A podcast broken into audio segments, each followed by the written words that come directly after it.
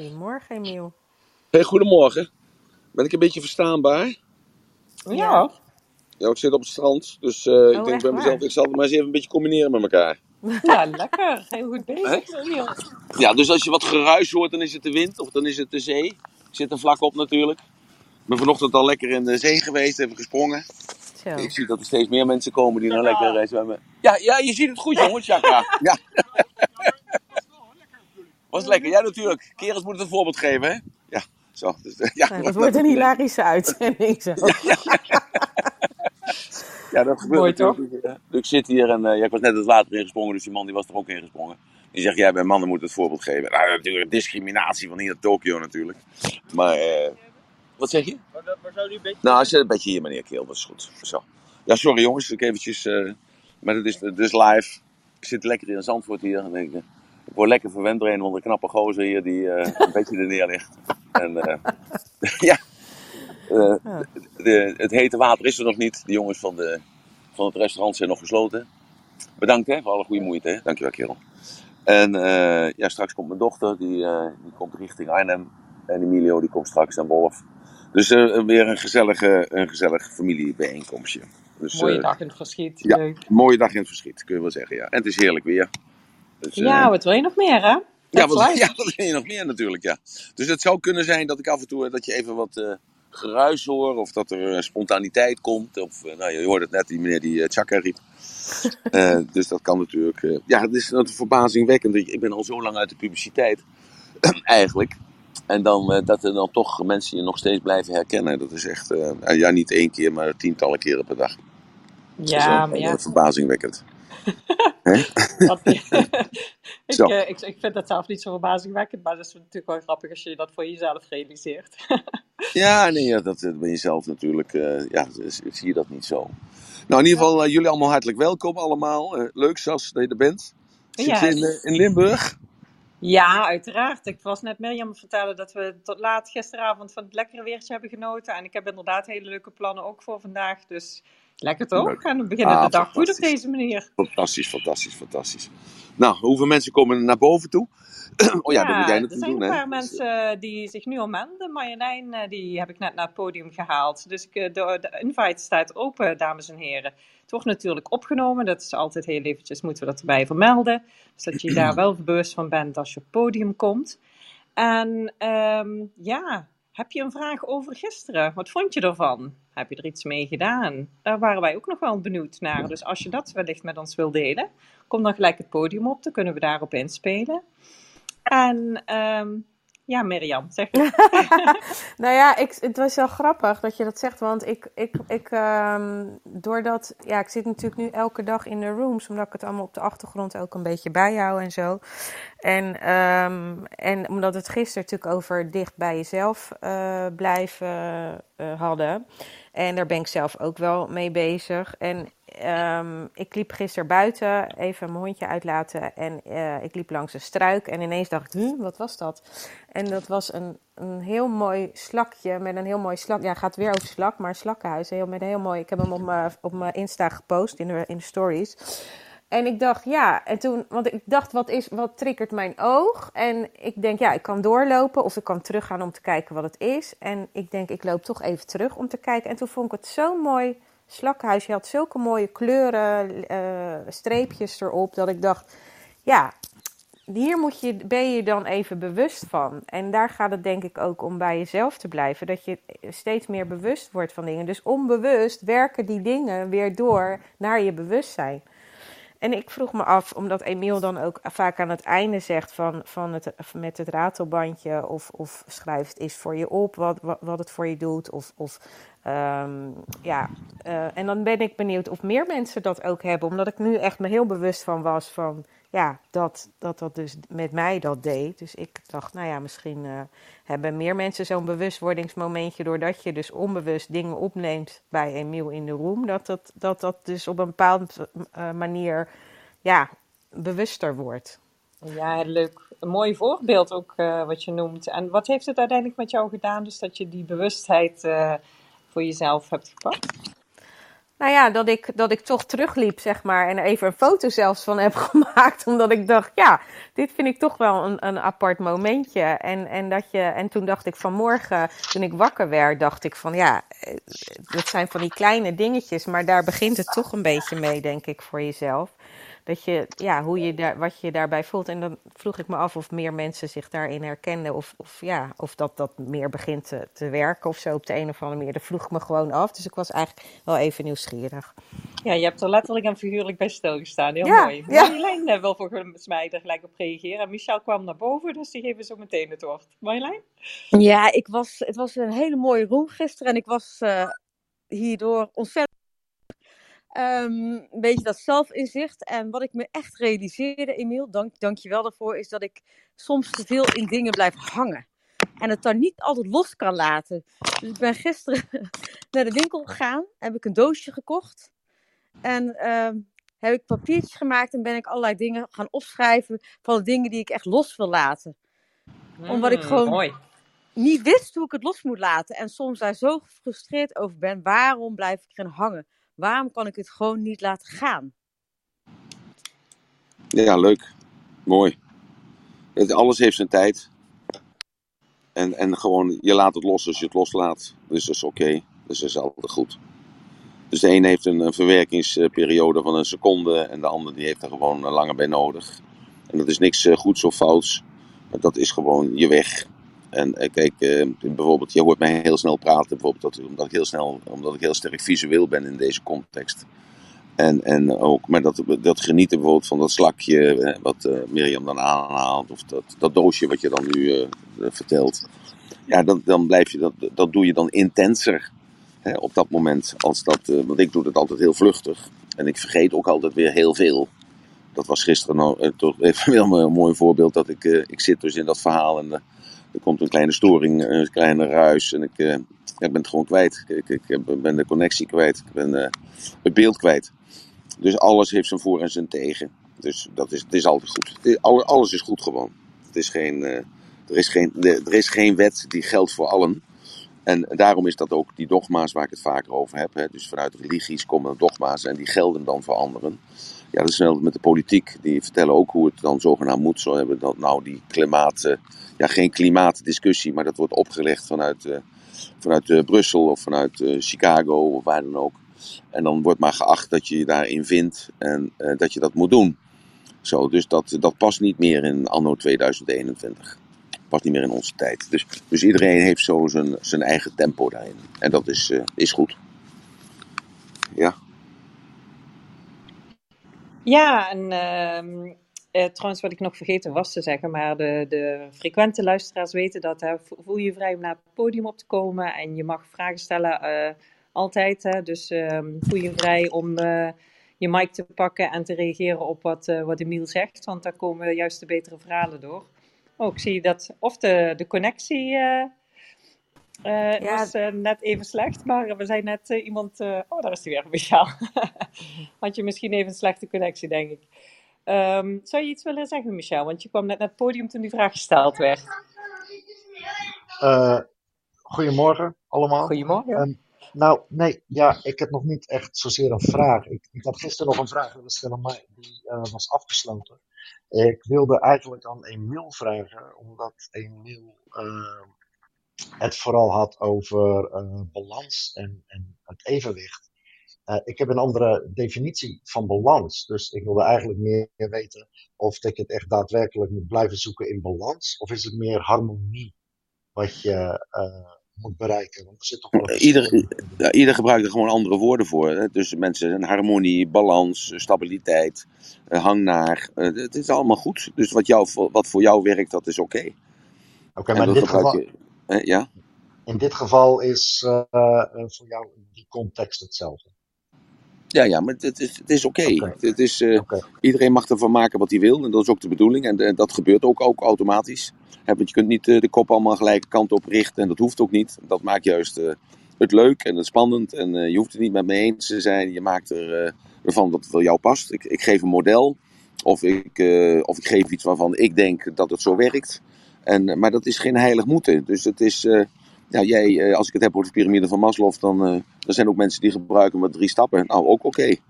En uh, als ik het heb over de zeven zuilen van identiteit, ja, dan zeggen mensen van ja, maar er zijn er toch wel tien of er zijn er wel vijftien. Ja, dat klopt, er zijn er wel 2775. Maar ik, ik pak er zeven uit en die zeven die diep ik uit. En, en de volgende keer, als er een vraag gesteld wordt, dan, dan diep ik een ander uit dus het, het, is allemaal verhalen, het is verhalen vertellen. En in die verhalen, daar pak jij jezelf en uh, dat herken je zelf, uh, daar herken jij jezelf en je, je past er toe en daar waar jij mee bezig bent. En uh, ja, wat, wat jij, wat, in welke fase van jouw leven jij bent, pak, pak jij dat op en, en vertaal je dat zoals Mirjam dat vertelt van dat slakje. Ja, en ja, dat, dat is voor haar heel betekenisvol. En iemand anders denkt, ja, maar luister, ik, eh, ik loop helemaal niet over straat, ik fiets. En uh, ja, god, maar luister, ik, uh, ik moet snel fietsen, want ik moet van A naar B toe. En hoe zo'n slakje? Want ja, we weten toch wel dat er slakjes zijn. Ja, en dat ze een huisje hebben of geen huisje hebben, ja, dat weet je toch wel. Nou, dus dat is ook goed. er, komt een tijd dat hij of zij wel dat slakje onderkent of niet. Ook goed. Allemaal goed. Alles is goed. Er is geen fout. Alles is goed. En eh, daarom is het het mooie van gisteren. Hebben we hadden het over uh, bij jezelf blijven. En uh, via dat zelf blijven kwamen we eigenlijk bij, ja, maar dan moet je eerst jezelf kennen. En, en toen heb ik dat uitgelegd. dat zal ik dan nog een keer doen vandaag. En alleen iets rustiger. En, aan de hand daarvan, ja, daarvan kwam dus eigenlijk de conclusie naar boven dat het eigenlijk gaat om eerst jezelf te kennen. En als je jezelf kent, en dat, dat leer je nooit helemaal, want dat zal altijd tot op je sterfbed toe zal dat zijn van, ja, als ik dit had geweten, dan had ik dat niet gedaan of juist wel gedaan. Dat zal altijd zo blijven en dat is ook oké. maar het gaat er wel om dat je dus voor jezelf bepaalde ankers hebt, want dat is belangrijk, bepaalde ankers hebt waar je aan kunt, waar je aan kunt gaan leggen. En uh, als er een crisis is, of er is verdriet, hè, dus dat is ook een crisis, of er is rouw, dat is ook een crisis. Hè, dus daarom gebruik ik het woord crisis. Je kunt je rekeningen niet meer betalen, je wordt werkeloos, je huis wordt onder je kont vandaan verkocht, uh, je partner verdwijnt met een ander, misschien wel met je beste vriend of vriendin. Ja, dat zijn crisis in je leven waar je mee te maken krijgt. Dat gebeurt iedereen. En uh, dat in, altijd in meer of mindere mate. Hè, meer intens, heeft ook te maken met, jou, met, met je doen en laten want ik ben heel snel, ik doe heel veel, uh, ik beleef momenten heel intens op dat moment. Maar dan ben ik weer weg en dan ga ik naar het volgende moment wat ik weer intens beleef. Uh, ja, en daardoor uh, maak ik ook intense crisissen mee. Want die creëer ik zelf in mijn eigen gedachten. En ik los die dan ook op, ook in mijn eigen gedachten, omdat ik weet dat alles vergankelijk is. En daardoor uh, ja, heb je een andere levenswijze en een andere houding. Dat niet goed of fout is, maar juist met iemand anders uh, ja, weer kunt, kunt aanvullen. En weer kunt leren en weer samen verder kunt komen. Dus ja, zijn er nog vragen? Want dan ga ik nog even door over gisteren. Dat wil ik even uh, in, in, snelle stappen, maar iets langzamer ehm, een beetje herhalen wat ik gisteren gezegd heb omdat dat, uh, ken u zelf, dat eerste gebod uh, heel belangrijk is. En dat je daar een soort tool toe hebt, een soort gereedschap krijgt om makkelijker uh, daarbij te komen. Makkelijker bewust te worden van wie je bent. En waar je misschien naartoe gaat. En datgene wat, jij, wat jou overkomt, ja, waar dat eigenlijk vandaan komt. Dat dat geen toeval is, maar dat dat dus iets is wat jou toevalt. En in het kader van jouw abstractieniveau en in het kader van jouw verleden. Kun jij dat dan een, eh, een plaats geven. Waardoor dat weer aanvullend is in jouw verdere ontwikkeling.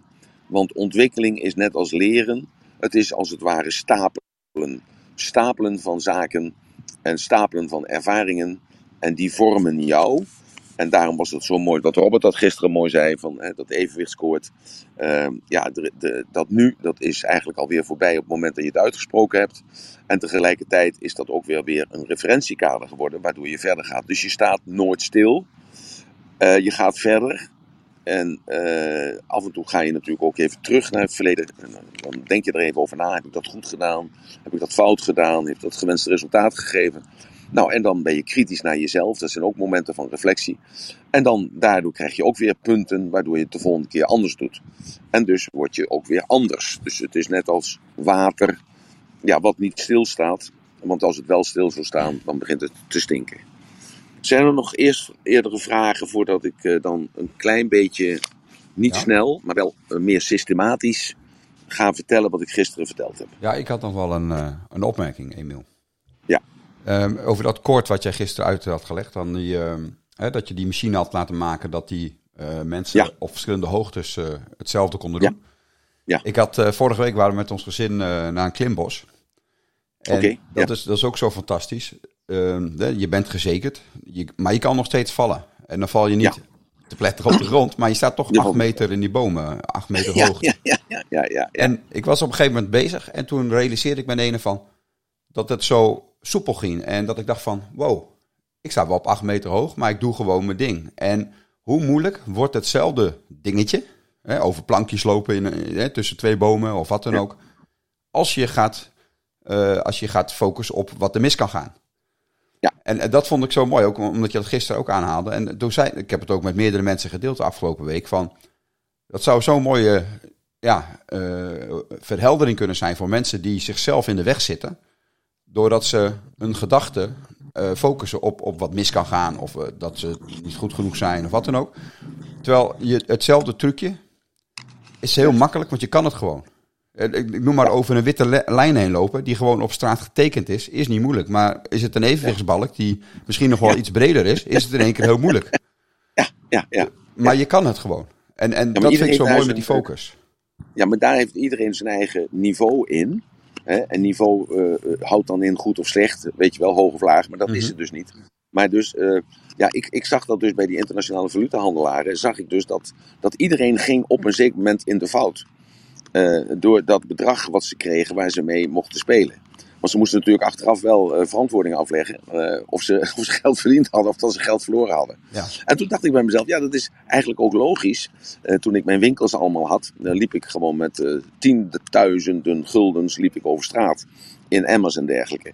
En ik, ik was daar gewoon aan gewend. Maar als ik een, iemand anders zou vragen van, hier heb je 10.000 gulden die, ja, die eigenlijk nooit geld op zak heeft. En, en breng dat even naar de bank. Ja, dan, eh, dan die persoon die krijgt dan een soort iets van, eh, ja, hoezo 10.000 gulden? Ja, maar kan ik er niet meer over straat lopen. Ja, en daarom zijn het altijd dezelfde vrouwtjes waar het tasje van gestolen wordt. Want die hebben dus die, eh, dat gevoel van: ehm, ik heb iets in mijn tasje wat misschien interessant is voor andere mensen. En die stralen dat dan ook uit. En, en dat is dus eigenlijk de self-fulfilling prophecy. En dat is dus de, de secret, het geheim. Dat je dus op de een of andere manier niet dat alleen ehm, ja, denkt, maar je, je wordt het dan ook. Ja. En ja, dus je wordt het dan ook. En dat, is nou, dat, dat was het mooie van, die, eh, van, van dat toestel wat ik had laten bouwen. Dat, je, dat iedereen ook stopte gewoon op een hoogte van twee meter. Want je, je kijkt natuurlijk naar beneden, niet alleen op twee meter hoogte. Want je loopt, je voeten staan op die twee meter. Maar je bent natuurlijk ook nog een keer anderhalf, twee meter hoog. Dus je kijkt naar beneden van vier meter hoog. Dus het is nog erger als dat je, als dat je op die balk zou liggen. Of op dat touw zou liggen. Ja, en, en wat, De- wat, de- wat het fysiek gebeurt er ook echt iets met je. hè? Ja, er gebeurt fysiek iets. Je gewoon, benen gaan je, ja. trillen, noem maar op. Terwijl Ja, die, ja, die exact dezelfde handeling, eh, Ja. ben je er helemaal niet mee bezig. Als, en en dan, dan, dan stroomt het dan. Hè? De- Laat maar zeggen, het- het flow met sporten. Ja, ja dus, dus, dus het is eh, heel klinisch eh, te beredeneren van, ja, ik kan het. Ik kan over die streep lopen, ik kan over die, die paal lopen op 50 centimeter, ja, eh, 60 centimeter, 80 centimeter. En dan in één keer, dan komt er 5 centimeter of 10 centimeter, is er verschil. En dan in één keer verandert die focus van dat je het kan tot wat gaat er mis. En ehm, ja, dat was natuurlijk een hele mooie metafoor. En vooral voor die, eh, eh, voor die eh, internationale valutahandelaren. Die in één keer zich bewust werden van... Hé, hey, wacht eens eventjes. Eh, wa- wat gebeurt er bij mij? En eh, wat zijn de consequenties voor mijn klanten? En wat zijn de consequenties voor mijn baas? En wat zijn de consequenties voor mijn, eh, voor mijn eigen commissie die, ik- die eraan ten grondslag liggen? Dus dat was een hele, hele, interessante, hele interessante iets. Heel leuk. Dus- Oké, dankjewel Ron Ja, om dat te delen. Ehm, ik heb een, even een opmerking hierop uit het publiek, als dat even mag. In de, Ja. chat, in de chat kreeg ik die binnen. Want eh, mensen kunnen ook, als ze niet willen reageren op het podium, mogen ze ook via de chat ons eh, of de moderators bereiken. Niet naar e-mail, maar wel naar ons. Ehm, er wordt gevraagd, als je nog nooit verzekerd bent, vastgezeten hebt en gevallen bent, dan is het heel moeilijk om te geloven dat het wel goed gaat. Ja. Vraag je dus voor Emiel, hoe kan je vertrouwen op iets wat je niet kent, nooit hebt gehad, ook Ja. al zou je het wel willen kunnen Ja, doen? oh, wat een mooie vraag. Oh, wat een mooie vraag, wat een mooie vraag, wat een mooie vraag. Eh, dus iedereen heeft zo zijn eigen niveau. Dus eh, met andere woorden, alles, eh, je bent al gevallen in je leven. Eh, er is altijd iets fout gegaan in je leven. Alleen heb je het niet geëtiketteerd als dusdanig. Wees blij dat je zo'n positieve aard hebt, dat je dat niet geëtiketteerd hebt. Want als er dus iets groter gebeurt, ja, dan ben je er toch klaar voor gekomen. Omdat je dus toch geoefend hebt als kind zijnde. Want hoe vaak ben je gevallen terwijl je hebt leren lopen? Hoe vaak heb je niet geweten het antwoord op de vraag 1 plus 1, hoeveel is dat? Hè? Terwijl je daar in de kleuterschool zat, omdat je niet opgelet had. Eh, hoe vaak eh, is het gebeurd dat je een vriendschap had en die jongen of dat meisje heeft jou verlaten. Die wilde met, op een zeker moment niets meer met jou te maken hebben, omdat jij eh, ja, iets niet deed wat hij wilde, of omdat jij niet aan zijn of haar eisen voldeed. Dus je hebt het allemaal al meegemaakt. Je hebt het niet alleen dusdanig geëtiketteerd als een leerproces. Dus daar kun je dan mee vandaag mee beginnen. Want het moment van crisis komt altijd. En hoe meer je voorbereid bent, en dat betekent dus die slechte tijden creëren sterke mensen, hè, dat, eh, dat die slechte tijden heb je kunnen oefenen. En als kind zijnde moet je oefenen. En het is natuurlijk wel vandaag de dag dat heel veel ouders proberen dus dat die, eh, die tegenslagen, dus die leermomenten eigenlijk, proberen te vermijden of proberen je daarvoor te behoeden. Omdat zij juist in hun slechte tijden, hè, dus ehm, ja, dat proberen te, eh, ja, die konden dat niet vermijden, want ze, ze moesten gewoon eh, dat pad aflopen, want ze zaten daar gewoon in. En zij proberen dan instinctmatisch, proberen zij dus dan hun kinderen dat te vermijden. En die zijn overbezorgd. En ehm, ja, die regelen en controleren alles zodat er niets kan gebeuren. Maar je hebt toch referentiekaders in je leven dat het toch tegengezeten heeft. En daar mag je aan terugdenken. En daar mag je dan aan, aan terugdenken en denken bij jezelf, hoe heb ik dat toen gedaan? Dus dat is het antwoord op de vraag. Een hele mooie vraag. Dankjewel. Ja, er zijn nog een paar mensen op het podium gekomen. Misschien willen die nog specifiek reageren, of zijn jullie in het algemeen even bijgekomen om zo meteen te mogen eh, reageren? Eh, nou, goedemorgen overigens. Eh, ik, ik wil Goedemorgen, daar wel Olaf. iets over. Goedemorgen. Ik wil daar wel iets over zeggen, want gisteren was voor mij eh, ja, echt een dag van inzicht of zo. En ik weet niet precies of het nou echt eh, door, de, door de roem is gekomen. Ik denk zeker wel dat dat eh, daarmee te maken heeft. Is ehm, dat het heel fijn is als je. eh, wat, wat ik heel fijn vind, wat Emiel gisteren heeft besproken in de room, de zeven zuilen van identiteit dat je als je veel ellende hebt meegemaakt, eh, dan, dan ga je alle kanten op en weet je eigenlijk niet waar je het zoeken moet. Maar door die zeven zuilen kun je die, gewoon die zeven punten kun je bij langslopen. En dat geeft heel veel inzicht. En ehm, gisteren op een of andere manier eh, kreeg ik, ik weet niet of het daarmee te maken had, maar ik kreeg ook heel duidelijk eh, de bewustwording van hoe ik denk en hoe ik praat tegen mezelf. En Ja. dat was ook heel leerzaam, want vaak is dat heel negatief. Dus, dus was gisteren echt een moment van bewustwording van hoe, hoe, waar moet ik het zoeken, hoe praat ik tegen mezelf. Ja, ik vond het echt heel waardevol, dat wilde ik nog even zeggen. Dat vind ik ontzettend mooi en lief en, en fantastisch om dat te horen. Ook voor alle vrijwilligers die er toch altijd zijn. Dus die ervoor zorgen dat de, de room klaar staat en eh, zorgen dat er iemand is die eh, kan modereren. En ook de moderator zelf natuurlijk. Eh, want daar, uiteindelijk doen we dat daar natuurlijk uiteindelijk voor. Dus het is eh, ontzettend lief, eh, Roelof, dat je dat vertelt. En dat je dus eh, je zo kwetsbaar opstelt. En ja, dat je dat eh, deelt met ons. Dus dank je wel daarvoor. Dank je wel. En ook heel mooi natuurlijk. Is, het, het, het is eigenlijk hetzelfde als met het slakje hè, van Mirjam. Je staat erbij stil en je doet er wat mee. En dat is eigenlijk ook mijn, eh, mijn ultimate doel natuurlijk. Dat je, dat je er iets mee doet. Want de praten is altijd makkelijk. En, eh, ja, maar je moet het natuurlijk wel even doen. En dat is dan weer die, die metafoor van dat eh, klimrek wat ik heb laten bouwen toen de tijd. Eh, dat was voor die internationale valutahandelaren natuurlijk eh, helemaal out of the box. Want die zitten achter hun computer eh, te, te traden, te handelen. Kopen, verkopen, pakken daar een stukje commissie van. En eh, dan moesten ze in één keer lopen. En dat vonden ze maar raar. Maar eh, nadat ik dat uitgelegd had en eh, eh, iedereen eh, stopte dan ook naar, bij ongeveer bij 70 centimeter of 80 centimeter. Ja, toen begrepen ze heel goed waar ze mee bezig waren. En ook dan dat is dan een spiritueel spel. Dat is, het, is, het is eigenlijk allemaal spiritualiteit zonder dat we dat zo noemen. Omdat het een holistisch gebeuren is. En spiritualiteit is in, in mijn optiek is dat een holistisch iets. Omdat dat alle facetten van het leven betrekt. En met alle facetten van het leven te maken heeft. Dankjewel, Rolof. Mooi gezegd. Ja, er is niemand die unmiked. Dus ik denk, inmiddels dat je even die recap van gisteren mooi kan doen. En dan kunnen ze zo meteen natuurlijk nog iedereen reageren. En inderdaad, zoals Mirjam zei, hè, als je het niet fijn vindt om op het podium te komen, stuur dan Mirjam of mij even een berichtje. Dan kunnen wij iets brengen. En dat is ook goed. Dat is ook goed. Niet iedereen heeft eh, de moed op dit moment om dat te doen. En dus dan stel je die vraag en dan bouw je eigenlijk als het ware op die manier zelfvertrouwen op. Om de volgende keer dan een stapje verder te gaan en dan wel naar voren toe te komen. Dus eh, dat is ook goed. Dat is allemaal goed.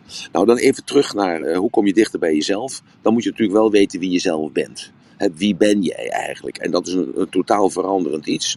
Eh, want ja, je maakt natuurlijk elke dag heel veel dingen mee. En bijvoorbeeld Mirjam dan met het slakje, of het, eh, het verhaal met het doosje, of het verhaal met Roelof van eh, dat hij erover nadenkt. Dan ben je toch uiteindelijk ben je een ander persoon geworden. En, en dat is een proces wat niet van de ene moment op het andere moment gaat, maar dat is een, ja, van kleine inzichtjes tot grote inzichten, tot grote veranderingen. En dan moet je ook de boel opschonen.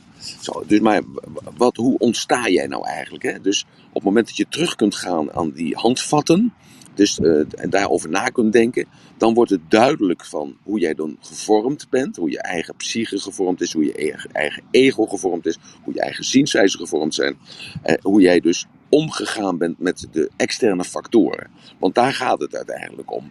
Hoe ga je om met externe factoren? En die hebben de indruk, maken indruk op jou. En die verwerk jij op een neurologisch niveau, dus daarboven in je hoofd. En die verwerk je, je maakt combinaties. En dat maakt juist het unieke aan jou. En dus ook voor heel veel mensen een Oeps, we zijn je heel even kwijt, Emiel. En, eh, en, en zo ben jij dus die unieke persoon geworden. Zo, en dan is dus als eerste, ik heb- eh, pak mijn papiertje erbij en een potlood erbij dat je het omschrijft, dat is de aanleg. En de aanleg, dat is je lichaam.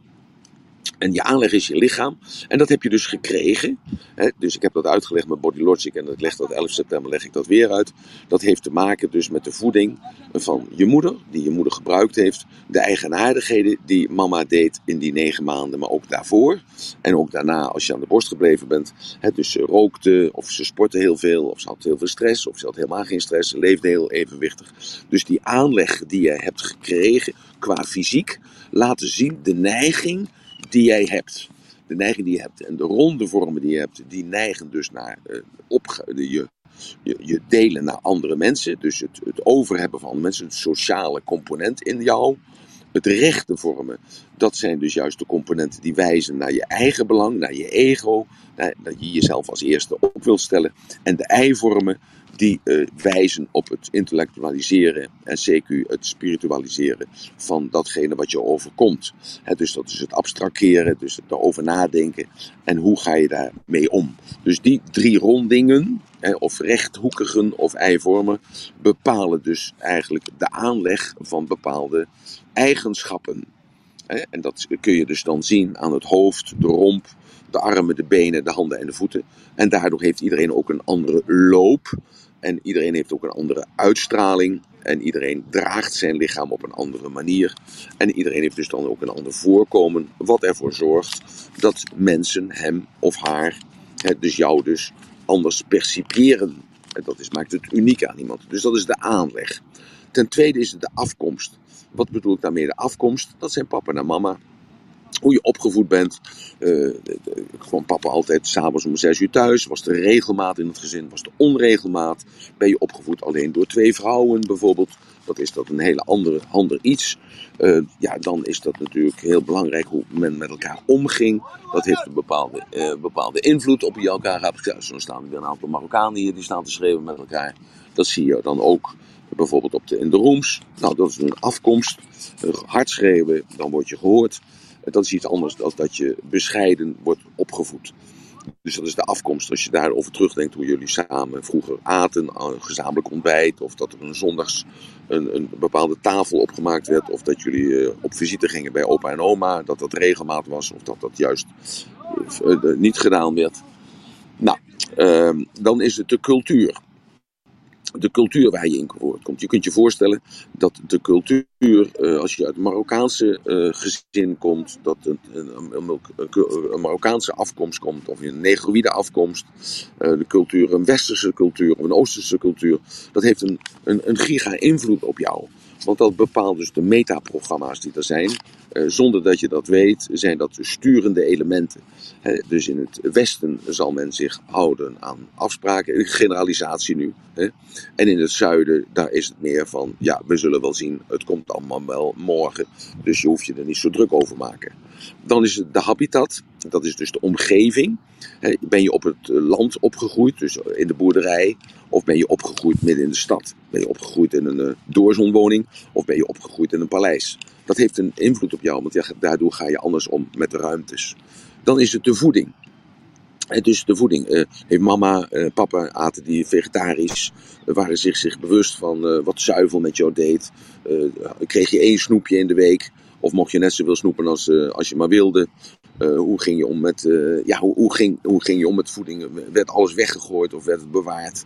En werd het naar de voedselbank gebracht? Of uh, was er altijd iemand, een dakloze, die dat, die dat eten op kwam halen wat over was? Dus hoe ga je daarmee om?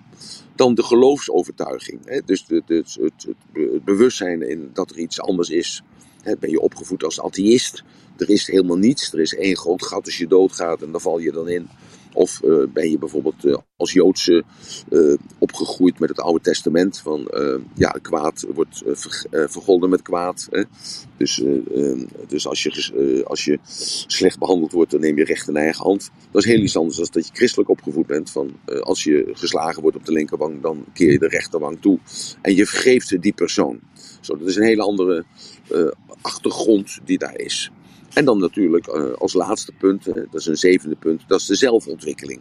Hoe ben jij met dat alles omgegaan? En dat is dan weer die aanleg. Ben je, heb jij je afgezet? Elk kind zet zich altijd een beetje af naar datgene waar die vandaan gekomen is. Maar hoe heb jij je afgezet? Heb je daar kritisch naar gekeken of heb je je afgezet omdat je gewoon af wilde zetten? Uh, ben je daar gewoon pertinent mee oneens en ben je nog steeds, nog steeds, zit je nog steeds in die strijd? Dat jij je af wil zetten tegen al datgene wat al opgelegd werd in die opvoeding?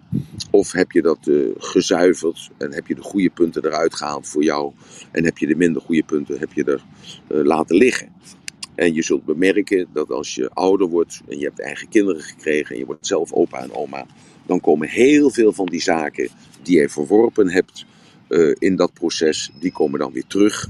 Omdat je herkent dat er bepaalde systematieken zijn die uh, gewoon door de generaties heen werken, schijnen te werken. En daarom is het ook zo belangrijk om contact te houden met je vader en met je moeder, opa en oma. Te, te, vragen van hoe, was, hoe waren jouw ouders, hoe waren jouw opa en oma, papa en mama.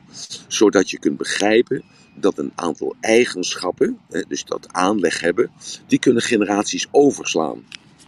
En uh, ja, en dat geeft een heel, uh, ja, hoe moet dat nou zeggen? Dat geeft iets van uh, vertrouwen, geloof ik. Het is al een keer eerder gedaan en dan in het bloed.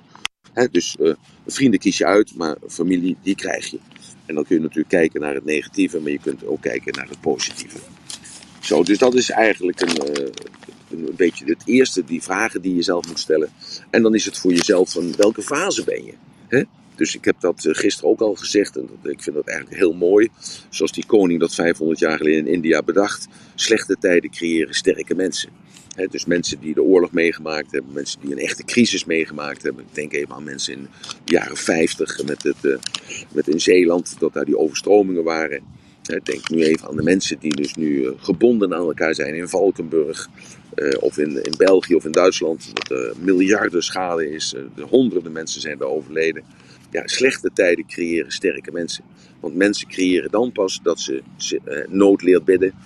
Uh, realiseren zich dan pas dat ze met elkaar sterker zijn dan alleen. Terwijl dus de individualisatie van onze maatschappij maar doorgaat en doorgaat. En juist in slechte tijden heb je elkaar nodig. En dus de slechte tijden creëren sterke mensen. En die sterke mensen creëren goede tijden. En waar zit jij in? Hè? Zit jij in die slechte tijden of uh, zit jij in die sterke mensen of zit jij in die goede tijden? Waar zit je in? Die goede tijden die creëren zwakke mensen. Hè, dus eh, ja, als het allemaal goed gaat en er is welvaart en er gaat, eh, er gaat niks fout, er is geen crisis, op wat voor manier dan ook, het heeft geen invloed op jou, ja, dan creëert dat zwakke mensen. Waarom creëert dat zwakke mensen?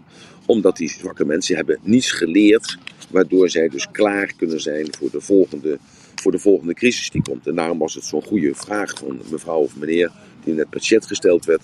Ik heb het dat nog nooit meegemaakt. Jawel, je hebt het meegemaakt op een ander niveau. Uh, maar je hebt ook die slechte tijden meegemaakt. En, maar voor jou was het misschien niet slecht. Voor jou waren het goede tijden. Ik herinner nog, uh, uh, vroeger hadden wij een heel klein huisje. Dat was boven de bakkerij.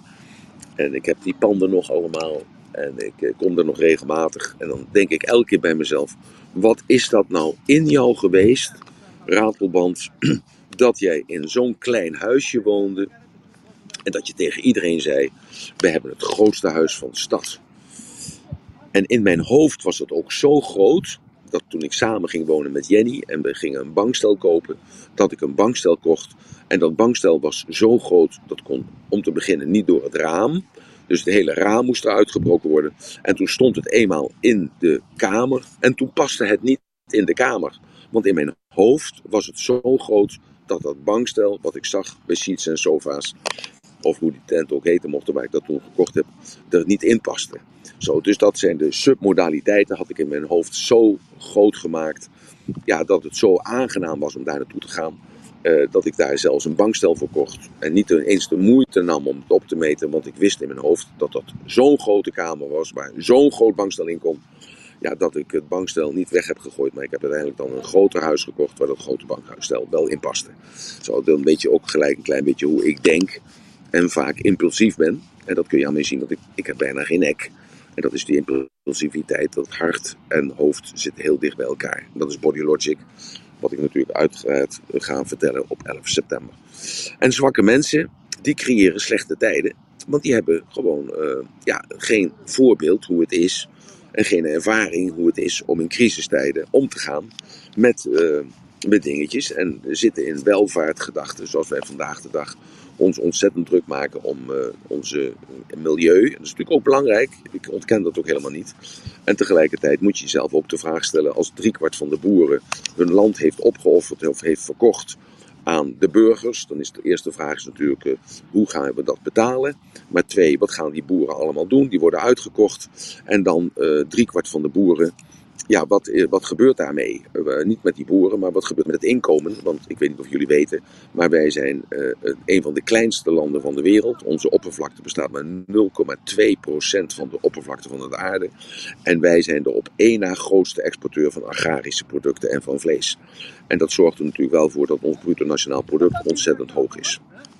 En uh, ja, dat, uh, dat, daar moet je ook over nadenken. Hè? Dus je moet het ook in het licht blijven zien. Niet alleen dat onze kinderen en onze kleinkinderen, onze achterkleinkinderen gezond op kunnen voeden. Dat er genoeg zuurstof is. Maar ze moeten ook nog de kost kunnen verdienen. Zo, dus dat is eventjes uh, dat je daar dus ook eens over nadenkt. Nou, dan dus in welke fase ben jij? Hè? En dan, dan eventjes een, een, een, tussenstapje voordat ik ga beginnen met de, de zeven zuilen van de identiteit. Uh, want dat zegt ook alles over jou. Wat zijn jouw dromen?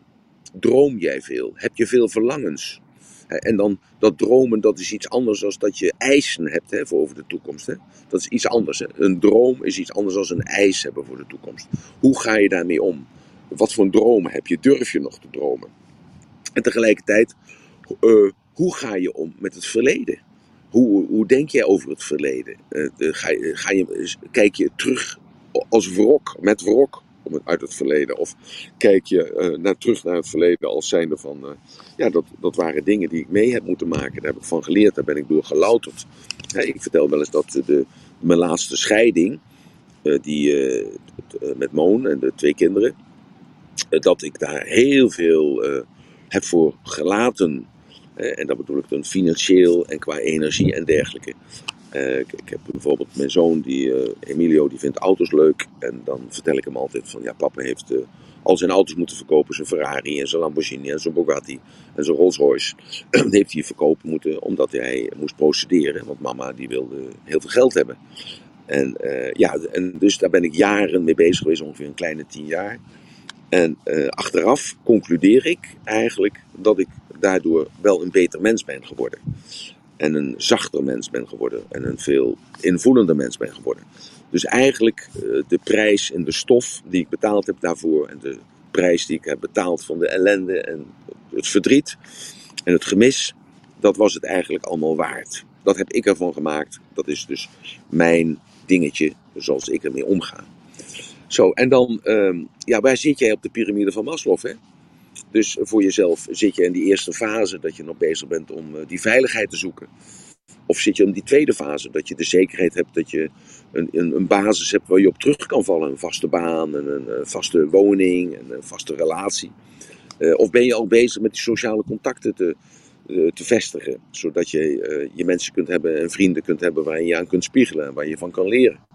Of zit je al in dat, die fase van zelfacceptatie? Dat je, dat je weet wie je bent en dat je dus je accepteert zoals je bent met je, met je mindere eigen goede eigenschappen. Uh, en dat je weet dat er geen goede of slechte eigenschappen zijn. Dat je gewoon bent zoals je bent. En dat je al bezig bent om die zelfrealisatiepad in te gaan. Zo, dus, dus als je daar eens over nadenkt, dan geeft dat ook heel veel duidelijkheid over jezelf, wie jij bent.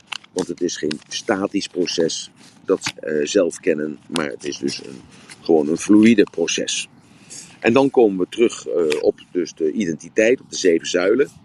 En ik verbind dan die uh, piramide van Maslow, verbind ik dan met die, zeven zuilen. zodat je zelf ook daarin dan weer een plaats kunt geven, zodat je ook weet hoe je nog moet werken en waar je aan je moet werken bij jezelf. Om dus in die bovenste strap te kunnen komen, die zelfrealisatie. En uh, ja, dan heb je dus die zeven zuilen. Dat, de eerste zuil is dan. Gaat, gaat het goed trouwens? Uh, spreek ik duidelijk? Is het uh, overzichtelijk? Allemaal perfect verstaan. Uh, ja, misschien heel even een hele concrete vraag. Wil iemand nu al iets vragen die op het podium is? ik zie niemand een berichtje naar mij sturen, dus ik denk dat het allemaal heel Ja. duidelijk is. Oké, want herhaling is natuurlijk de repetition of the skill. Hè, uh, zoals we altijd zeggen, is uh, altijd ook weer inzicht krijgen. Want je, de tweede keer hoor je het ook anders. En nu ga je ook begrijpen waarom je het de tweede keer anders hoort. Want je hebt die ervaring met die slak, je hebt die ervaring met dat doosje, je hebt die ervaring met dat bewustzijn. Dus je staat er anders tegenover en je hoort andere dingen. En daarom is het leuk om dus een van die uh, rooms die je aangesproken hebt, om die weer te horen. Zodat je merkt van, hé, hey, ik ben verder gekomen. Ik heb het begrepen. Ik, uh, of ik heb het niet begrepen, en dat is ook goed. Maar ik ben verder gekomen voor mezelf. Ik heb het geïmplementeerd. En wat is nu de volgende stap daarin? Dus daarom hebben we dus dat, uh, nemen we het op en slaan we dat op op de site en kun je die dus downloaden als je dat wilt. Nou, dan gaan we dus naar de identiteit. En die, dat zijn dan die zeven zuilen. Die hebben we het al een keer eerder over gehad, maar dat zal ik dan toch nog een keer benoemen, al met al. Uh, die zeven zuilen is mentaal, fysiek, spiritueel, je loopbaan, financieel, sociaal en relationeel. Uh, en die, die hou ik nu aan tegen de piramide van Maslow. Dus ik gebruik de piramide van Maslow als meettoestel, als het ware, om jezelf te meten, waar ben ik nu? Dus mentaal is uh, dus die veiligheid. Hè? Dus dat weer die eerste stap van de piramide van Maslow, als je die voor je ziet of je hebt die uitgetekend. Dus het mentale proces. Uh, zit jij in de veiligheid?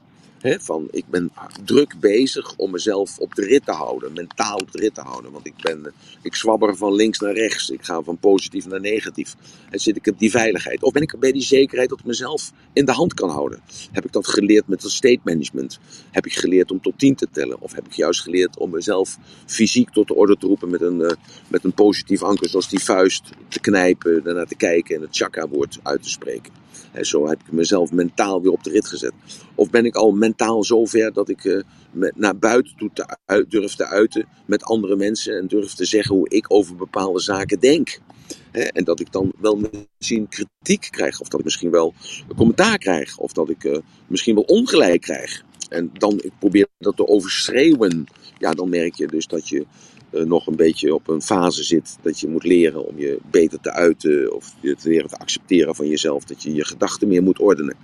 En dan heb je die zelfacceptatie van jezelf, dus dat je in de spiegel kijkt en dat je ja, zelf kijkt naar jezelf en eh, stiekem naar achteren kijkt en dan ziet dat je alleen bent in de badkamer en jezelf dan die vraag stelt van ja, wie is nou de mooiste persoon?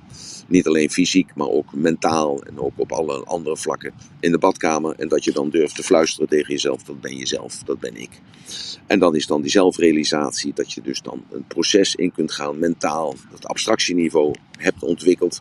En want dat ontwikkel je, eh, dat je er, erover na kunt denken. Wat zijn de consequenties van mijn daden? Eh, wat beweeg ik eigenlijk met dat woord wat ik uitspreek? God, eh, ga ik wel op de juiste, zuivere, integere manier om met andere mensen? Zo, en dat is dus een mentaal proces. Zo, dus die kun je mooi leggen naast de piramide van Maslow. En zo zie je dat de piramide van Maslow niet iets statisch is, maar dat je die op allerlei wijzen kunt gebruiken. Ook op het fysieke vlak. dus dat is de tweede stap van de, de tweede zuil, het fysieke vlak. Zo heb jij die veiligheid dat je leeft in je lichaam, dat je je veilig voelt. Dat je s'avonds eh, kunt gaan slapen. Dat er uh, s'avonds geen uh, rare dingen gebeuren met je lichaam. Dat je die zekerheid hebt dat je terug kunt vallen op je eigen fysiek. Dat je die sociale contacten kunt, naar buiten kunt doen, omdat je er aan werkt om geaccepteerd te worden fysiek. Je hebt je kleding aangepast, je hebt je lichaam, je bent niet 200 kilo, maar je hebt je lichaam aangepast in deze tijd. Dus je kunt die baan ook krijgen. Je hebt jezelf geaccepteerd, dat, dat zie je, dat voel je, dat ruik je. Andere mensen die zien dat charisma wat je uitstraalt. En heb je die zelfacceptatie, dat je nou eenmaal kleine oortjes hebt en hele grote tenen. Of dat je die navel, uh, ja, die is nou eenmaal zo. En die heb je al drie keer laten opereren, maar het wordt steeds erger daarmee. Maar je hebt gewoon leren accepteren dat je die navel hebt gekregen. Niet van onze lieve Heer, maar van de arts die toen de tijd de navelstreng heeft afgebonden tijdens de geboorte van je. Zo, dus dat is de fysieke zelfacceptatie. Dan hebben we het spirituele. Het spirituele is het, het weten, hè, dat is niet geloven, dat mensen noemen dat dan geloven, maar het werkelijke geloven is het weten. En dat is niet het weten met het hoofd, maar dat is het, het voelen op die plekken waarvan jij weet, als ik dat gevoel op die plek heb, dan weet ik gewoon dat het goed is. Dus dat is het innerlijk weten, dat je de veiligheid hebt dat er iets is boven jou, onder jou, in jou, naast jou, links, rechts, maakt niet uit. Dat je omvattend bent, ongevat bent. Uh, dat, is geen, dat is slecht Nederlands, maar jullie begrijpen wat ik zeg. Dat je omringd bent door datgene wat voor jou zorgt. Ik noem dat vaker dat de hand van God rust op mijn schouder. Dat je dus die zekerheid hebt dat uh, ja, wat er ook gebeurt. En dan kijk ik uh, vaak naar plaatjes uh, van 2000 jaar geleden. Dat in het Colosseum de christenen daar neergelegd werden. Ik, wil niet, ik zeg niet dat ik christen ben, hè, maar ik, ik, ik bedoel maar mee te zeggen dat als je kijkt naar die hemelse blikken van die mensen die daar opgeofferd werden aan het gepeupel. Dat die leeuwen dus daar kwamen om hen te verscheuren. Enkel alleen omdat ze christelijk waren. Ze hadden een keuze gemaakt dus. En, en, dan zie je dus die blik naar boven van, nou ze kunnen niet wachten tot ze opgevreten worden door die leeuwen, omdat ze weten van, ze gaan naar de hemel toe. Nou, dat is, uh, ja, iets is kinderlijk als ik dat vertel, maar ik vind het wel een heel mooi beeld. En dat geeft mij ook weer kracht om dan door te gaan op de weg die ik dan ingegaan ben op een spirituele wijze.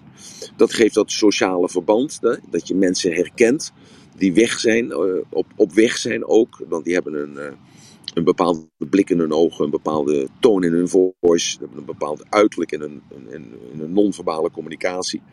En dat je daar dus mee uh, kunt verbinden. En dat je je verbindt met die mensen, wat ook weer kracht geeft en ook weer voor zorgt dat je je kunt weer kunt toetsen en weer dingen kunt horen in een andere context.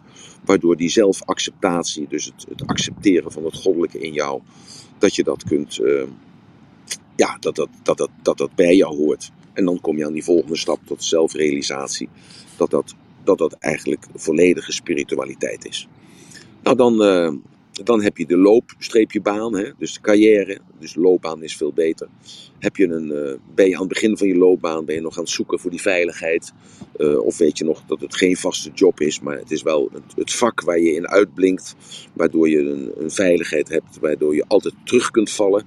Nou, dat is een van mijn basisdingen geweest als, als kind zijnde. Dat ik dacht bij mezelf, ik moet een vak leren. En dat werd ingegeven door mijn omgeving, door mijn afkomst. Want mijn opa zei, eh, van mijn vaders kant, die zei altijd van... Als je te dom bent om te leren, dan leer je een vak. En dan word je of bakker, want brood wordt altijd gegeten. Of je wordt fietsenmaker, want er wordt altijd gefietst. Nou, en dat was een basiswijsheid. En eh, toen ik te dom was om te leren, althans dat ging ik geloven van mezelf. Toen heb ik toch het licht gekregen, ook weer bij mezelf. Dat ik dacht, eh, vlak voordat ik militaire dienst inging, ik dacht bij mezelf, die 18 maanden, die kan ik ook gebruiken voor mezelf. En ik kan mijn papieren halen om bakker te worden. Want als er wat gebeurt, dan heb ik altijd de vaardigheid om brood te bakken. En ik heb die in die 18 maanden van militaire dienst heb ik mijn brood- en banketdiploma gehaald. En eh, met succes. Ik heb het allemaal wel eh, geregeld allemaal, maar eh, ik had ze in ieder geval in de zak. En ik kan jullie wel vertellen dat hoe groot de crisis ook is, ik altijd in mijn gedachten heb, als mij alles afgenomen wordt, dan kon ik altijd ergens een zak meel krijgen van 25 kilo. Want die kost 25 euro en die kan ik best ergens een keer van iemand lenen. En water krijg ik gratis uit de kraan. Gist heb ik niet nodig, want ik kan het laten bederven zodat ik zuurdesem krijg. En dan kan ik toch met mijn kennis van bakker zijn, kan ik brood bakken. Want een oven kan ik altijd wel ergens ritselen. En een zakje om het in te doen heb ik niet nodig, want het zelfgebakken brood kan ik zo overhandigen. En binnen 24 uur heb ik weer 25 gulden in mijn zak of 25 euro in mijn zak. Zo, dus dat is een stukje zekerheid en veiligheid wat ik deel met jullie, wat ik als eh, kind van uh, 12 jaar bedacht heb en uitgevoerd heb in militaire dienst, omdat dat 18 maanden waren die toch verloren tijd waren. Dat is achteraf niet gebleken zo trouwens, wil ik even zeggen, maar ik heb dat invulling gegeven om mijn bakkersdiploma te halen. En met die wetenschap kan ik dus hele rare dingen doen. Kan ik risico's lopen die normale mensen niet doen, eh, omdat ik weet, de hand van God rust op mijn schouder. En ik kan altijd mijn eigen brood verdienen, letterlijk en figuurlijk. Want herinneren jullie nog het verhaal van de poffertjes in Amerika? Dat ik zes weken eh, poffertjes verkocht. En de poffertjes die ik overhield, die aten wij als de familie zelf op. Want dat hadden we nog over. Dus met de loopbaan uh, ga je dus, uh, ja, als je dus eenmaal geaccepteerd bent, dat je afgestudeerd bent en je hebt, uh, je hebt dat, de, route doorlopen, dat, je hebt die kennis heb je geaccepteerd, heb je geïntegreerd. Je komt dus op de fase dat je gekozen hebt voor dat bepaalde vak. Ja, dan omgeef je met de juiste mensen, dat sociale omveld. En dan krijg je die zelfacceptatie en je bouwt dat zelfvertrouwen op. En dan krijg je die zelfrealisatie in die carrière, in die loopbaan. Datzelfde geldt met financiën. Je moet eerst een stukje veiligheid hebben van, uh, en dat hebben we allemaal. Want wat er ook gebeurt, er zijn altijd die sociale voorzieningen waar je op terug kunt vallen. Dus er gaat niemand in Nederland dood omdat hij niet te eten heeft, of dood omdat hij buiten de deur vriest. Er is altijd een opvangcentrum waar je terecht kan, ook als, als, als dakloze. Dus echte daklozen bestaan er niet meer. Dat zijn de mensen die daarvoor kiezen. Ik heb zelf een drie weken als dakloze door Utrecht, Leiden en Amsterdam gelopen. Dus ik kan me een beetje vertellen hoe dat is. Daar kan ik ook nog eens een keer een roem over houden. Um, maar goed, als je dus weet van, oké, ik heb een bepaalde zekerheid. Hè, dus dat is dus dat waar je op terug kan vallen, dat is dat vangnet. Ja, dat geeft uh, heel veel veiligheid en zekerheid. En dan vanuit die veiligheid en zekerheid kun je dus dan naar buiten toe gaan. En kun je je omgeven weer met mensen. En kun je, heb je de tijd ook om te praten over uh, allerlei zaken die jou interesseren. En kun jij uh, je ook weer spiegelen en kun je zo je financiële zekerheid op een segment opbouwen door een sprong in het diepe te maken. Met de zekerheid, als het fout gaat, kan ik toch weer terugvallen op sociale, het sociale minimum. Totdat je een, op een bepaald niveau komt. En dat is eigenlijk ook weer die metafoor van, die, uh, van, die, uh, van dat toestel wat ik heb laten bouwen toen met die hoogte. Dat is namelijk op het moment dat jij getrouwd bent, een kindje hebt, hypotheek, pensioen hebt. En je hebt een auto voor de deur en je bent. Och ja, mijn dochter staat tegenover mij in één keer. Ja. En mijn kleinzoon. Ja, och, sorry, sorry jongens, thuis. Sorry even allemaal. ja, ja. Nou, ga je op me zitten? Of gaan we koffie drinken? Papa is zo klaar. En nog een uurtje. En anders kun je daar. ik heb een rekening daar lopen. Ja, ja die, die komt er zo aan. Ja, oké. Okay. Ja, sorry jongens. Ja, sorry allemaal. Zijn jullie er nog? Ja hoor, we zijn er nog. Ja, Lukt ook eh, dat jullie samen Ja. zijn. Ja, dus eh, ik had allerlei foto's gemaakt voor mijn dochter. Dus, eh, dus eh, Eh, had ik het goed uitgelegd, schatje? Oké. Ja, ik had allerlei foto's gemaakt eh, hoe ze er hier moest komen. Want ik zit midden op het strand bij paal 66. Of paal 99, wat was dat? Zes. 66, ja. Nee, dat is mooi zeggen. Die denk, ik, ja, die denk die 66 wel. Bij paal Ja, 66. iedereen gaat je nu opzoeken die luistert. dat maakt helemaal niks uit. Maar ik zit op paal 66. Maar ik had allerlei foto's gemaakt. Omdat ik eh, de overtuiging heb dat vrouwen niet zo goed richtingsgevoel hebben. Oh. En, eh, dus ik had allerlei foto's gemaakt vanaf een bepaald plek van een parkeerplaats. Dat adres had ik geappt. En ik, oh, ik ken Zand. Ja, we hebben hier een, een huis gehad een aantal jaar geleden. dus, eh, maar goed, eh, dat terzijde. Nou, even, ga jullie maar lekker boven zitten. Papa komt er zo aan. Ja, dat is goed. Neem maar even lekker koffie of zo, schatje. Ja, oké. Ehm, goed, dus eh, sociale verbanden. ehm, financieel, financieel hadden we het over. Hè? Ja, financieel hadden we het over. Ja, we waren bij financieel. Dus eh, dat je dus, eh, dan kom je dus bij die metafoor van die evenwichtsbalk. Dat je dus een bepaald niveau bereikt dat het allemaal zo goed gaat, hè, want dat is het dan. En dat je zo weet dat het oké gaat, dat het vaak beklemmend is. En dat je daar van daaruit geen risico meer durft te lopen. Eh, omdat je dus die zekerheid vast wilt houden. En dus dan ook die, die hoogte niet meer durft te, eh, verzetten. Eh, wat, terwijl je dat eh, eigenlijk wel weet dat je dat kan, want je hebt het kunstje al een aantal keer geflikt. Maar je, je durft dan niet meer die stap te zetten naar een, nieuwe baan. Want je durft die zekerheid van het pensioen niet los te laten. Of je, je durft niet te gaan emigreren. ondanks dat je bang bent dat Nederland of de plaats waar je woont, dat het onder water loopt vandaar binnen 20 jaar of zo. Als je die idioterie gelooft. En, maar goed, in ieder geval, dus dat je, eh, dat je op die manier gaat denken. Dus dat belemmert je persoonlijke groei. Dus datgene wat eerst een zegen is, dat kan later dus een vloek worden. Zo heb je dan ook de sociale verbanden hè, die je aangaat. Hè, het sociale iets, eh, want dat is ook een, een, een, een, een, een, een, steunpilaar. Dat is ook een pilaar eh, van de, identiteit. Daar ontlenen ook heel veel mensen hun, eh, ja, hun status aan. Die zijn lid van de hockeyclub of lid van de golfscene. scene eh, of lid van een bepaalde eh, organisatie. Ehm, nou, dat mag allemaal dus allemaal oké. Dus dat, daar heb je ook weer die fases van eh, veiligheid, zekerheid, sociaal geaccepteerd zijn en dan die zelfacceptatie en dat je jezelf helemaal serieus gaat nemen. Dat je denkt dat jij dan ook werkelijk die persoon bent die dan daarbij hoort, de verpersonificatie. Hè, Gods, ik kan het woord nu eindelijk uitspreken, de verpersonificatie van het uiterlijk van die club of politieke partij of eh, ja, van eh, de buurtgenoten of wat jij vindt wat belangrijk is. En dan hebben we onze relatie, en dan hebben we niet alleen de relatie naar eh, geliefden of relatie naar kinderen, maar de relatie die je vaardig bent om die op te kunnen bouwen. Want dat is ook natuurlijk een vaardigheid die je moet creëren en moet leren. En vanuit die relatie. En dat is ook weer, dus je moet je daar veilig in voelen. En als je die veiligheid eenmaal hebt eh, vanuit jezelf, dat je een relatie, dat je wat te melden hebt, eh, dat je ook iets kunt betekenen, eh, dat je te vertrouwen bent, dat je integer bent. En vanuit die veiligheid en die zekerheid bouw je dan die relatie op met die, of voor jou eerst onbekende. En daardoor krijg je dus zelfacceptatie in, dat, in die derde persoon die ontstaat. Ik heb wel eens verteld hoe dat werkt. Eh, dan ontstaat er een derde persoonlijkheid. En in die derde persoonlijkheid moet je dan ook weer die veiligheid, die zekerheid zoeken. En dan eh, weer die sociale verbanden naar buiten als stelletje of als eh, gezinsleden. Bouw je dat dan weer die acceptatie op voor jezelf. dus in de derde persoon. En dan ga je dan weer verder naar die zelfrealisatie, ook in de derde persoon. Dus dat is de rela- relationele punt. Dan heb ik ze volgens mij alle zeven gehad, geloof ik. Ja, dan heb je ze inderdaad alle zeven gehad. Ja, Een ja. hele mooie samenvatting op deze manier. Zo, dus.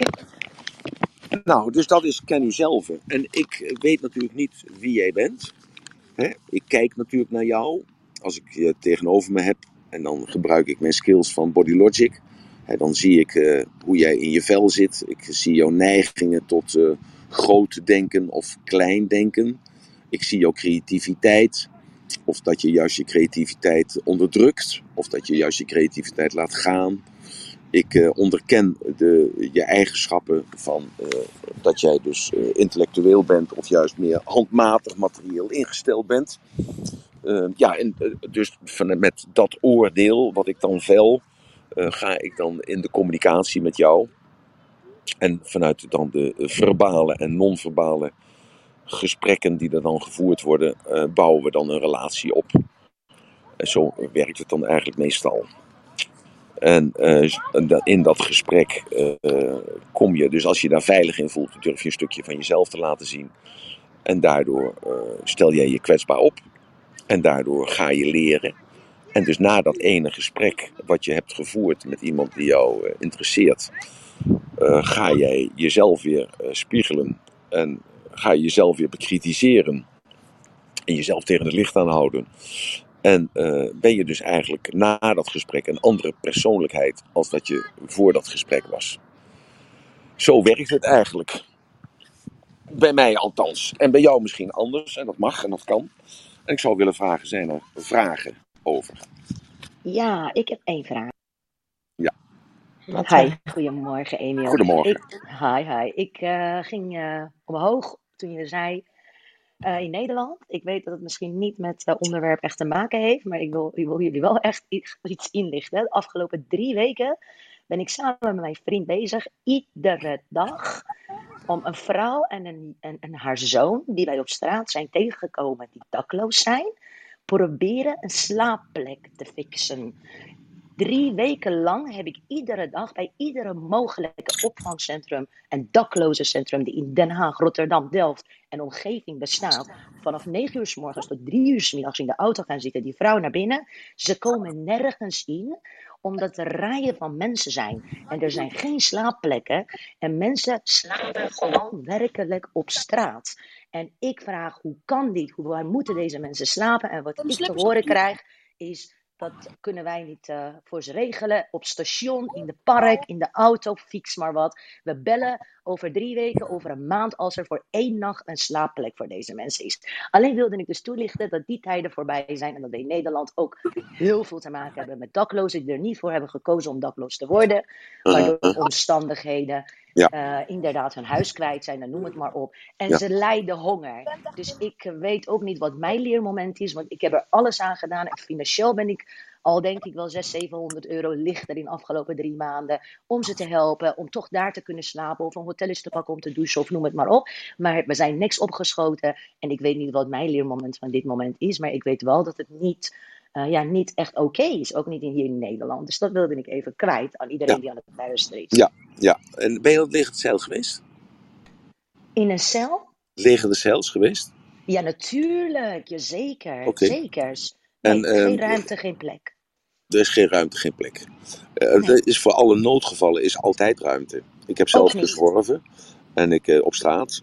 En Hoe ehm, lang is het geleden? eh, eh, ja, dat is wel eh 15 jaar Ja. geleden, ja. Precies, dat wilde ik alleen maar even zeggen. Dat het Mhm. nu niet meer zo is. Mhm. Helaas. Ja. Nou, ik kan er niet over oordelen. Ik weet wel dat het allemaal goed geregeld is, allemaal. En eh, misschien zou je een overweging kunnen nemen. Eh, dus ik geef nou even iets aan wat ik zelf dus ook zo heb ervaren en zo heb opgelost. Eh, jij praat over eh, welke steden praat je over?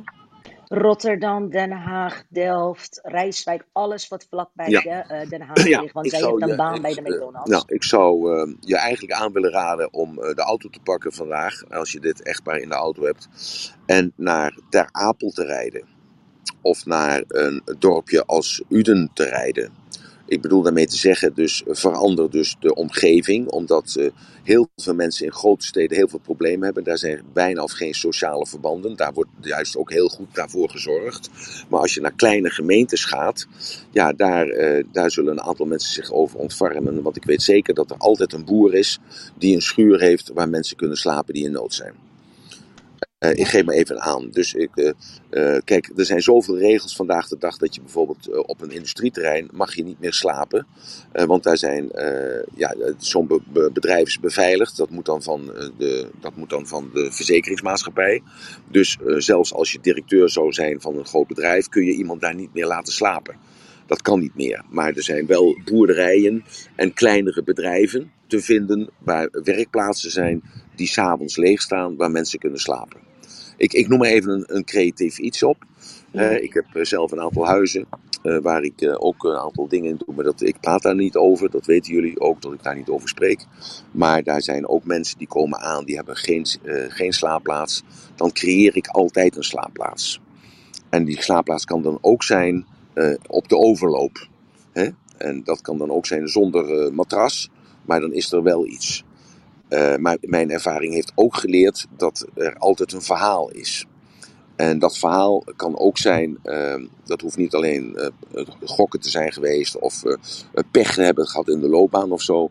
Maar er zijn ook heel veel mensen bekend bij een aantal instellingen zoals sociale zaken of zoals bij bijvoorbeeld Leger de. Dat zij dus ehm, zeggen bij voorbaat, ja, maar hij of zij, of uh, zij zijn eigenlijk al, uh, ja, ze hebben al dat en dat gehad en die hebben daar misbruik van gemaakt. Tenminste, gebruik op een andere manier van gemaakt. Ik praat het niet recht, hè, begrijp me goed. Dus het, het gaat om, de, om een, een oplossing te vinden voor deze mensen. En die moet je buiten de grote stad vinden. Ik ben toen ook uh, gedropt toen de tijd in uh, Utrecht. En toen ben ik, uh, ben ik zelf op eigen kracht naar Leiden toegegaan.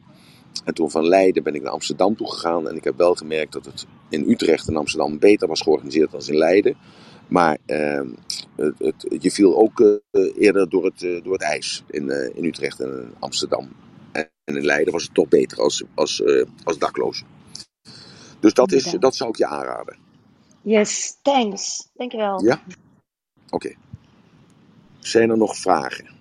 Iemand anders nog die wil rea reageren op de reflecties die hij heeft gehad. Uh, wat zaken die langs zijn gekomen door het koppelen misschien van hè, Maslow aan uh, de zeven zuilen van de identiteit. Ik zie een reactie binnenkomen. Ik wil nog even, voordat de volgende komt, wil ik nog even zeggen. Kijk, goedemorgen. Ja, Kill. Ai, ai, ai. Hoi. Eén momentje. Yes. Wat Ja. wilde je nog zeggen, Emiel? Uh, Popeye, Popeye? Ja. Uh, ja, ik wil nog even zeggen van kijk, het, dat zijn juist de momenten van zo'n bijvoorbeeld zo'n seminar die we dan weer geven, de 11e. Dat zijn natuurlijk ook momenten om jezelf weer, te leren kennen, omdat je dus dan, als je dan die piramide van Maslow dan weer even neemt, dan kom je dus tussen mensen te zitten die allemaal uh, eenzelfde richting op willen. Die willen niet alleen ja. ja, dus Ja. gelijkgestemden. Dat doen mensen die bijvoorbeeld geloven in God of geloven in Allah. Die gaan ook uh, naar de kerk of naar de moskee. En worden dan gesterkt in hun geloof. En ook gesterkt in hun, in hun leerproces. Dus dat, dat doe je al. En daarom zijn dus de, deze rooms die zijn uh, hartstikke fijn en hartstikke interessant. Want je hoort de dingen waar je wat mee kan. Maar dan is zo'n seminar het samen zijn, de beleving, de rituelen die daar plaatsvinden. Dat is geen, geen kaars opsteken of zo hoor, geen rare dingen allemaal. Maar de rituelen die daar plaatsvinden, ja, die geven zoveel kracht en zoveel energie. Dat dat eigenlijk ook een van de, de dingen is die je het, meeste hoort. Dat mensen die uh, dan een, een dag uh, samen zijn geweest met mij, dat die dan zeggen van, ja, ik heb zoveel inzichten gekregen. Ik heb zoveel energie gekregen daardoor. Dat ik gewoon, ja, gewoon weer een tijd verder kan. Ja, Dus dat- je hebt dat wil ik toch- en ervaren dan wat kan, hè? Ja, heel Ja, mooi. ja, ja, dus dat wil ik toch nog eventjes uh, zeggen. Want ik, ik, ik, kan er, ik geef dan even dan toevallig even gisteren aan dat, uh, dat verhaal van, de, uh, van, van die vreemde valu of internationale valuta-experts, handelaren, de beurs, geef ik dan aan. maar dat was dus zo'n eye-opener voor die, voor die kerels, waren allemaal kerels, voor die kerels dat ze dus fysiek bezig waren om, om hun. Om, om dus hun, eigenlijk hun mentale probleem fysiek te kunnen bekijken. He, want in één keer werd dat mentale probleem van dus, waar ze tegenaan hikten, dat bedrag, wat een natuurlijke barrière leek te zijn, werd in één keer iets fysieks. En daardoor konden ze dat uh, anders gaan bekijken en konden ze anders daarmee omgaan. Waardoor hun inkomen steeg, waardoor hun rangorde steeg, waardoor ze ja, veel beter functioneerden. Of juist zeiden van nou ja, dit past eigenlijk helemaal niet bij mij. Want dus die afstand, die angst die ik heb, dat komt voort uit het feit dat ik iets doe wat helemaal niet bij mij past. Zo, dus, en dat zijn de belevingen elke keer. Oké, okay, goed. Misschien Popeye. nog heel eventjes daaraan ja. gekoppeld, Emile. Want er is natuurlijk nu nog een mogelijkheid om met korting te komen. Dus ik zou zeggen, oh. we zijn, okay. daar kun je heel mooi gebruik van maken. Dus uh, er is 20% korting op het event. Als je je opgeeft via de site, hè, ratelband.com. Daar is een uh, pagina waar ook alle informatie staat. En als je dan Clubhouse gebruikt, dan ja, kun je daar ook nog op die manier van gebruik maken. Dus dat heel even ter ondersteuning van wat je net zei. Popeye. Welke vraag had je voor Emiel?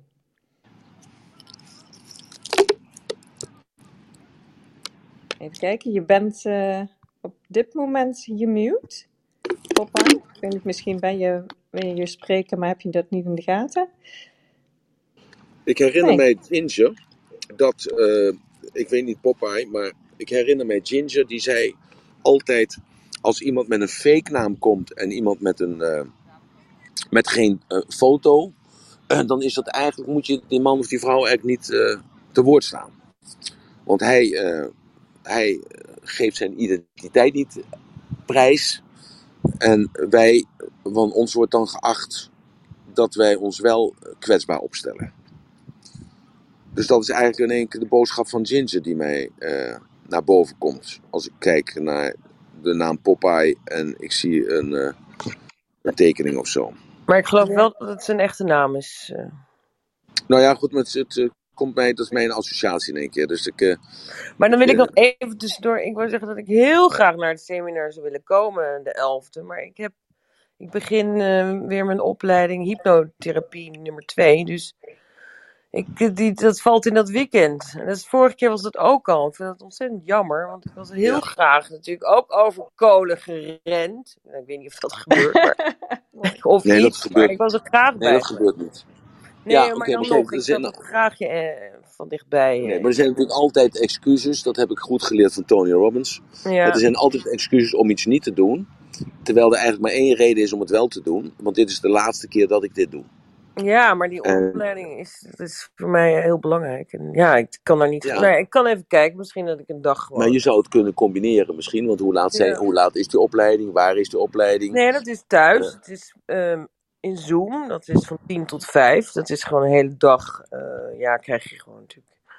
Het is. Nou ja, je zou de Zoom mee kunnen nemen. En dan, eh, ja, goed, maar er zijn geen pauzes bij mij. Dus wat dat betreft, dan zou je het NN moeten doen. ja. Nou ja, op zich heb ik, door. moet ik wel zeggen, ik heb bij de eerste opleiding ook alle dagen was ik erbij. Misschien dat ik één dag een keertje kan ontsnappen en dat ik het gewoon ja, je, later terugkijk. eh, je kunt de Zoom ook toch laten draaien en je zet er een camera voor. En dan kun je dat eh, de volgende dag of het, eh, drie dagen later kun je dat dan bekijken. Nee, ze hebben überhaupt terugkijken. Dat, dat, dat is, vanuit de opleiding Ja. kan je het ook terugkijken. Dus dat is ook waar. En er is altijd een excuus. Er is geen geld. Hè? Dat is in de verkoop is dat ook zo. Hè? Er is Ja. geen geld, er is geen tijd. Eh, en dan achteraf dan is het van, had ik dan maar dit, had ik dan maar dat. Ik herinner mijzelf dat ik eh, bij Tony in de room zat. En ik mocht de eerste keer gratis komen, omdat ik dan eh, naar voren moest komen om te vertellen dat ik speciaal uit Nederland ingevlogen was om daarbij te zijn. En toen, toen verkocht hij dus een, een seminar voor, dat was toen de tijd 4.500 euro. Dat is nu een lachetje. Want het was toen 4.500, eh, nee dollar, sorry, 4.500 dollar. En ik had ze gewoon niet. En dan moest je, het hotel zat erbij in. En momenteel eh, worden de prijzen gerekend van 25.000 dollar. En dan moet je zelf nog het, eh, het eten betalen en het hotel betalen. En je ziet dat er dus nu duizenden mensen zijn die daar naartoe gaan. Eh, en dus nou die, die 10 of die 20 of die 30.000 euro daarvoor over hebben. Ja, Dus, is ook online gegaan nu. Dus toevallig iemand die ik ken, volgt ook nu dit weekend toevallig Tony Ja. seminar ook. Maar het is ook wel echt wel, ja, het zijn fijne prijzen. Ja, goed, oké. Dus daarom is dat zo. Snap ja, ik ben, ik ben blij dat ik dat toen allemaal gedaan heb. Ook dat ik het niet kon, want ik heb dat eh, geld gecreëerd in de tussentijd. Dat, eh, dat was toen in, dat was 5 december 86. En dat kostte 3.500 of 4.500 dollar, ik weet het niet meer. Maar ik had echt geen piek. En ik heb het gewoon gecreëerd. En ik heb het geld dan ook betaald, eh, geloof ik drie weken voordat ik eh, in juli naar eh, juni naar Palm Spring of Palm Desert ging. In, waar was het? In Californië. Dus dat Palm Spring was dat, ja. Dus dat, dat geld is bij elkaar gekomen. Want als je werkelijk iets wilt, dan kun je dat ook. En dan heb je het ook. En dan regel je het ook. Want ja, dat, je hebt het gewoon nodig voor jezelf, dus dan klopt het ook. Hè? Dus de mensen die geen brood heeft, die vindt altijd een plaats waar die brood kan krijgen. Maar goed, dat is mijn visie, mijn overtuiging en dat heeft me altijd eh, ver gebracht. Ik begrijp het. Ik eh, ga er heel diep over denken. Niet te veel over nadenken. Nee. even op, Niet te veel over nadenken. Gewoon doen of niet doen. Even. Goed. Het is altijd goed. Oké, zijn er nog vragen? Als er geen vragen zijn, dan is het wel een compliment voor mezelf. Dan ben ik wel heel duidelijk geweest. En eh, ook een compliment voor jullie, dat jullie allemaal eh, goed opgelet hebben en het goed opgeschreven hebben en er allemaal mee aan de slag kunnen gaan. Dus nou, dan eh, vind ik het fantastisch. Dan ga ik lekker genieten van de zon en ik ga lekker genieten van mijn kind, kinderen en eh, van mijn kleinkind. En genieten van eh, dit eh, mooie weer. En dan eh, zou ik willen eindigen als er geen vragen meer zijn. Zijn er geen vragen meer? Eh, ik, ik, ik stel hem ook nog eens eventjes eh, de laatste kans, dames en Oh, heren. En voel je niet, Nee. Beschaamd om het dan toch te vragen. En denken van ja, hij wil nu graag liggen. Of hij wil graag gaan, lekker gaan zwemmen. Dus ik durf niet meer. Nou, dan zou ik willen vragen, wat is het onderwerp voor morgen? Wat, waar gaan we het morgen over hebben? Morgen is het maandag. Eh, is er iemand in de room die gedacht heeft bij zichzelf, ik kom omhoog. En ik wil graag, eh, ja, daarom ben ik omhoog gekomen. Niet om iets te zeggen, maar om toch eh, wel te vragen waar we het morgen over gaan hebben. Dan ja, zou ik dat willen vragen aan iemand. Ik zie daar een, eh, Roelof uh, ziet Roelof zich ook opmuten gaan. en Ja. Michel ook. Dus en Michel ook. vertel het, eh, heren. Ehm, nou ja, ik, ik, ik weet het niet hoor. Maar ehm, eh, ik, ik, ja, gisteren, wat ik al vertelde, dat ik eh, erachter kwam. Dat ik zeg maar de helderheid van geest had of inzichten had. Ehm, eh, hoe ik tegen mezelf praat. Ehm, negatief zelfpraat. Misschien is dat een leuk onderwerp. Want Ja. ik denk dat heel veel mensen dat doen zonder dat ze daar erg in hebben. En het is zo belangrijk om daar bewust van te zijn. Oké. Praat je tegen jezelf. Ja. Nou, ja, we zouden kunnen hebben. Nou, we, zullen- we zouden het kunnen hebben. Moeten we even nog even Michel vragen wat hij heeft. We zouden het dus kunnen hebben over modaliteiten en submodaliteiten. En waar Roelof het over heeft, is dus interne, eh, interne communicatie. hè. We hebben twee soorten communicatie. We hebben externe communicatie, dus naar buiten toe. Daarmee willen we iets bereiken. We willen een doel bereiken. En daarom bestaan er geen slechte leerlingen. Er bestaan alleen slechte leraren. Hè, want het is dus de communicatie die, eh, die je zelf bepaalt naar buiten toe. Dat is externe communicatie. En zo kun je de inter... Wat gebeurt er? En, ja, dit is even de achtergrond omdat Michel zijn eh Oké. mic heeft openstaan. Maar misschien kan Michel heel even reageren wat eh, hij als topic bedacht had. Omdat hij zichzelf moet muten. en zo is de interne communicatie waar Roelof het over heeft. Dus dat zou een onderwerp kunnen zijn. En Michel, wat zou jij willen? Ehm, wat ik zou willen is, ehm, ik denk dat dat aansluit, of ik weet eigenlijk dat het aansluit op eh Roelof, omdat het eh, indirect met elkaar verbonden is. Ik zou graag eh, meer willen praten over overdenken, overthinking. Want in heel veel gevallen eh, overdenken we te veel en dat komt ook terug in de negatieve zelfpraat. Dus misschien sluit dat heel mooi aan bij elkaar. Dus het overdenken. Dus het, het Yes. moment van reflectie bedoel je daarmee? Of bedoel je dat het gewoon het eh, zelf... eh, het, het, het- wat bedoel je daar precies mee met overdenken? Kun je me dat uitleggen? Ehm, als je in de. ehm, moeilijk uitleggen. Het is, het is echt een dieper level wat, wat eigenlijk nog geen eh, echt een naam heeft. Ehm, als je kijkt naar zelfreflectie en negatieve zelfpraat, dan eh, ben je dat vooral heel veel aan het overdenken. Als je het overdenken zou kunnen minimaliseren of reduceren, dan eh, wordt de negatieve zelfpraat ook een stuk minder. Maar als we bezig zijn in het dagelijkse leven en in het oplossen van problemen, dan overdenken we ook eh, heel erg veel. En ehm, ik ben daar zelf eigenlijk, ik, ik ben het enorm aan het reduceren, maar ik vind die reflectie wel eh, belangrijk. Dus ik hoop dat ik het zo wat beter heb Ik, omschreven. hoor, Ik ik, ik kan niet alles horen, maar ik beg- begrijp uit jouw woorden wat ik opvang. Maar misschien kun je er morgen even voor zorgen dat het, eh, dat het niet zo schel is. Of het lijkt net alsof er met pannen gegooid wordt of zo op de een of andere manier. Maar eh, dat jij het hebt over eh, het, het een beetje eh, jezelf in de put praten. Wat Roelof dan eigenlijk ook een beetje bedoelt. En dat je te veel besteedt aan denken, overleggen en daardoor uitstelt wat je eigenlijk zou willen doen. Ja, precies dat. Oké, goed. Nou, dat is hartstikke mooi. Dus dan gaan we het morgen Mooi. hebben over interne communicatie. En eh, hoe jij jezelf, je interne communicatie kunt veranderen, zodat het productief is eh, voor jezelf. En ik zal dan de definitie ook geven wat productief is. En wat eh, positief is. En hoe je dat kunt gebruiken en hoe je dat dus binnen een split second kunt veranderen. Dan gaan we het morgen daarover hebben. Heerlijk. Dan wil ik het, eh, jullie danken voor jullie aanwezigheid, voor jullie energie. Dank jullie wel dat, jullie, eh, dat we met elkaar deze mooie room hebben gemaakt. Eh, je kunt me terugluisteren als je wilt. Dan moet je klikken op www.raadman.com. Ik maak geen reclame voor mezelf, maar ik geloof dat ik dat nu langzamerhand dan toch wel eens een keer ga doen. Dat ik dat, die beperkende overtuiging ga verlaten. Dat datgene wat ik vertel, dat dat de moeite waard is om daar ook voor te investeren. Qua tijd, qua energie en qua ook financiën. En dan wens ik jullie een hele mooie zondag. En het ratelbandje voor deze zondag is eigenlijk dat ik jullie toewens. En ja, toewens om datgene te doen wat ik nou doe. Dat ik volwaardige kwaliteit tijd investeer in mijn kindjes en in mijn kleinkind. Ja, dat investeer ik. Dat zou ik jullie willen vragen. En als je geen kinderen of kleinkinderen hebt, investeer dan je tijd in familie. Want je familie is toch wel heel, belangrijk. Je hebt ze niet uitgekozen, je hebt ze gekregen. En als je ze gekregen hebt, dan kun je ze dus beleven als een cadeautje. Of ook als een eh schertsvertoning. Maar je kunt het ook beleven als een aanwinst voor jezelf. Dank jullie wel voor jullie aandacht. En hopelijk tot morgenochtend 9 uur. Een mooie zondag gewenst. Bye bye.